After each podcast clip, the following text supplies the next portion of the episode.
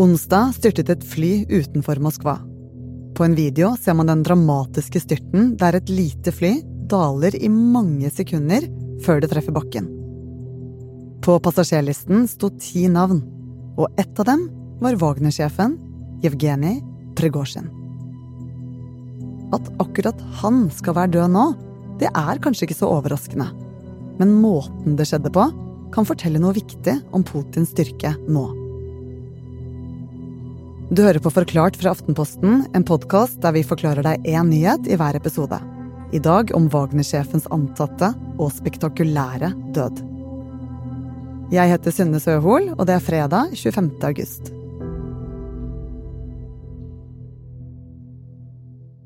Helene Skjeggestad, du er journalist og tidligere Moskva-korrespondent. Ble du overrasket da nyheten om Pregosjin kom? Nei. For å ha én ting klart. Jevgenij Prigozjin er bare antatt død. Men om det stemmer, så kom ikke det akkurat som et sjokk på folk. En av Putins mest kjente læresetninger er at han deler verden i to. Han deler det i fiender og forrædere. Og Vesten er en fiende, regimemotstandere er fiender, og de kan man slåss mot. Men for nøyaktig to måneder siden gikk den tidligere Putin-allierte Prigozjin mot sin egen ledelse, og da kalte Putin ham en forræder. Og da fikk han egentlig dødsdommen, for i Putins verden så må forrædere drepes. Så en kjapp oppsummering på hvem han er, eller var. Pregorsin ble kjent som forretningsmannen med kallenavnet Putins kokk. Men aller mest kjent som sjef for den private leiehæren Wagner. Etter invasjonen av Ukraina fikk han en stadig viktigere rolle i den russiske krigsmaskinen. Det har vært tre profiler i denne krigen. Det er Putin, det er Zelenskyj, og så er det Prigozjin.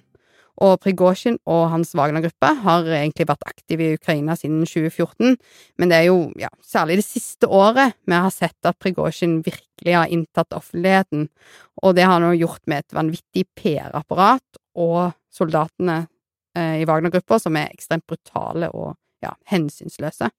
Og dette har jo passa Putin helt perfekt. I hvert fall så lenge Prigozjin var lojal. Men så slo forholdet sprekker.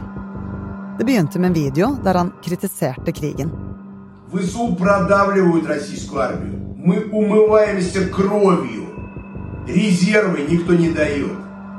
Управления никакого нет. Og så kom opprøret som sjokkerte en hel verden. Мы находимся в штабе. 7 часов 30 минут утра под контролем. Wagner hadde tatt kontroll over en by sør i Russland.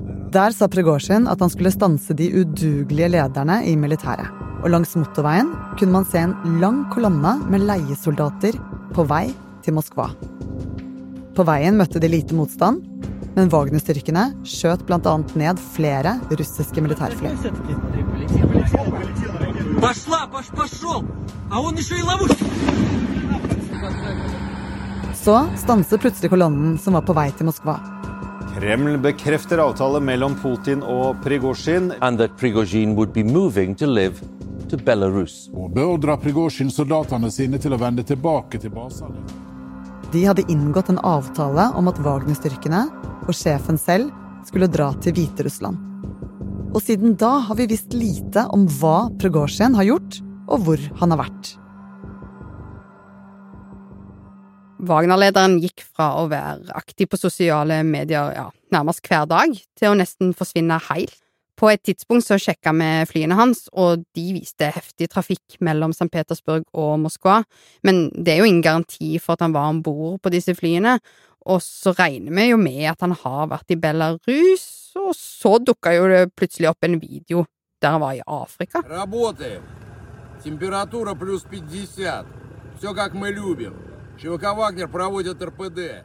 Делает Россию еще более великой. Der sier han at temperaturen er 50 grader, og det liker de, mens de jobber for Russlands suksess og et mer fritt Afrika, og ja, jakter på ISIS og Al Qaida. Men nå skal altså Wagner-sjefen være død. Eller flyet han angivelig skulle vært om bord i, har i hvert fall styrtet. Ukrainas president sier at de ikke hadde noe med flystyrten å gjøre. Og selv om mange var forberedt på at dette kunne skje, er det likevel én ting som er overraskende. Det har jo skjedd mange ganger før at eh, Putins rivaler har blitt forgifta eller falt ut fra et vindu eller blitt satt i fengsel, men dersom Prigozjin faktisk er død, og dersom det var Putin og Kreml som enten var involvert eller sto bak, så forteller det egentlig noe viktig om Putins posisjon i dag.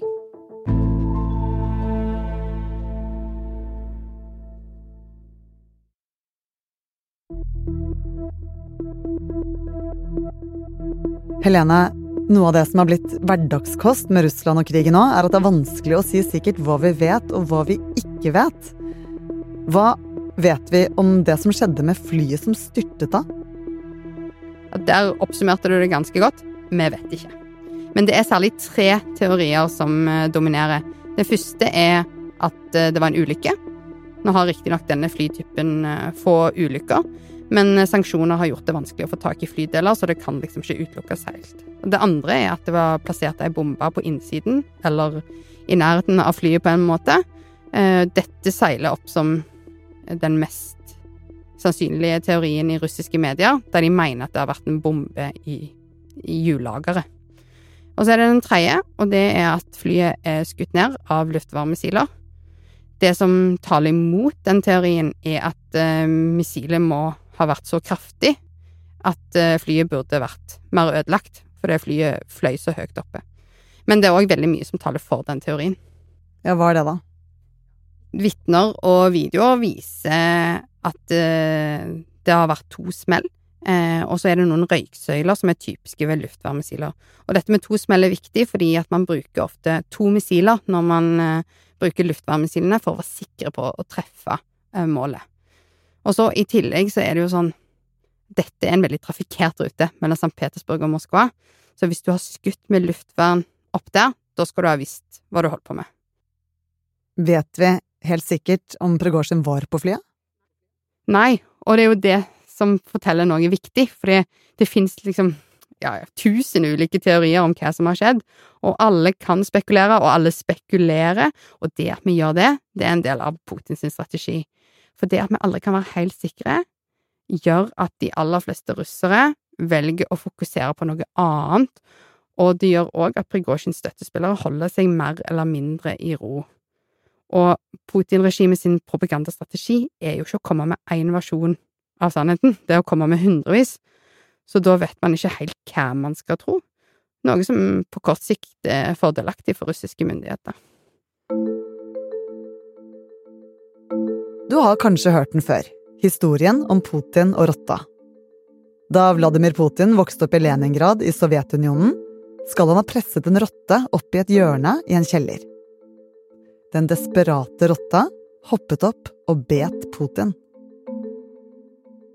I denne anekdoten så flykter unge Putin fra rotta, men han sier sjøl i etterkant at han identifiserer seg mye med nettopp rotta, og at han aldri har glemt hva man bør gjøre når man er trengt opp i et hjørne.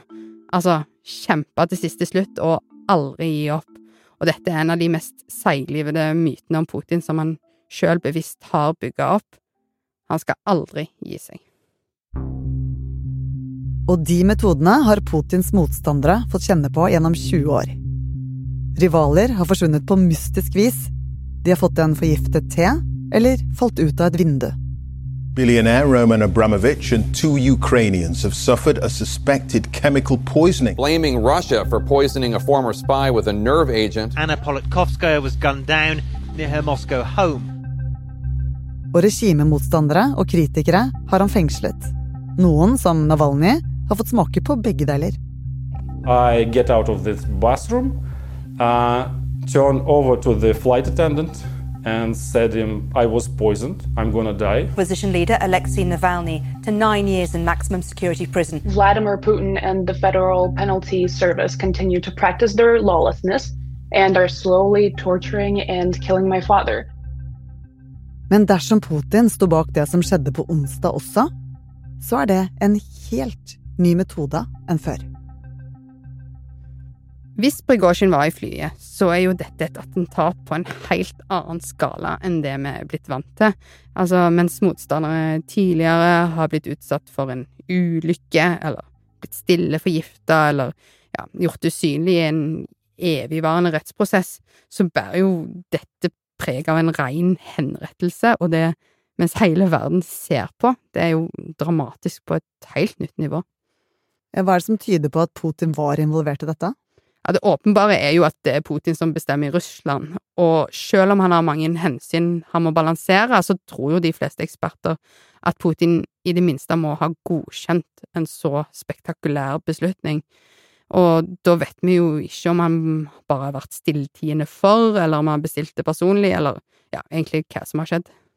Kan noen ha gjort dette her helt på egen hånd? Det kan absolutt tenkes at noen lenger nede i systemet har gjennomført dette, men at de må ha vært klar over at ledelsen ikke akkurat var imot. Og hvis Putin står bak dette, hvorfor skulle han ha gjort det så spektakulært? Ja, hvis Putin da står bak dette, så må man jo tenke at Prigozjins forræderi var så stort at hevnen òg måtte være stor. Og hvis det er sånn, så forteller det oss noe om Putins posisjon. Da Russland invaderte Ukraina, var målet å ta Kiev på tre dager. Men krigen har ikke gått sånn som Putin ville. Nå dør russiske menn i hopetall på slagmarken, og konsekvensene av krigen blir stadig mer synlige. Derfor kan det være viktig for Putin å stramme grepet. Helene, betyr det at Putin vil komme styrket ut av dette? Det syns jeg er vanskelig å svare på, fordi på kort sikt så ville man jo tenke i en sånn kriger-gangster-verden at det å vise så voldsom styrke og brutalitet og hensynsløshet eh, egentlig vil slutte rekkene om Russlands sterke mann. Man kødder liksom ikke med Putin og går uskada hen. Eh, likevel så mener flere eksperter at dette viser en av Putins store svakheter. For nå holder det liksom ikke lenger å kvitte seg med meningsmotstandere på stille vis. Nå må han vise brutal styrke for å vise hvem som er sjefen. Så var det kanskje rotta som beit vi så onsdag kveld.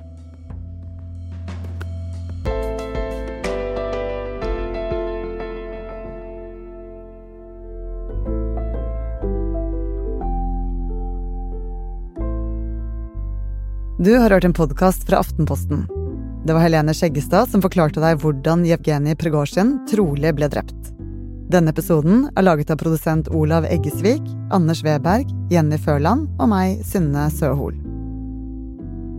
Lyden du hørte, er hentet fra nyhetsbyrået AP, BBC, CNN, Telegram, NRK og TV 2.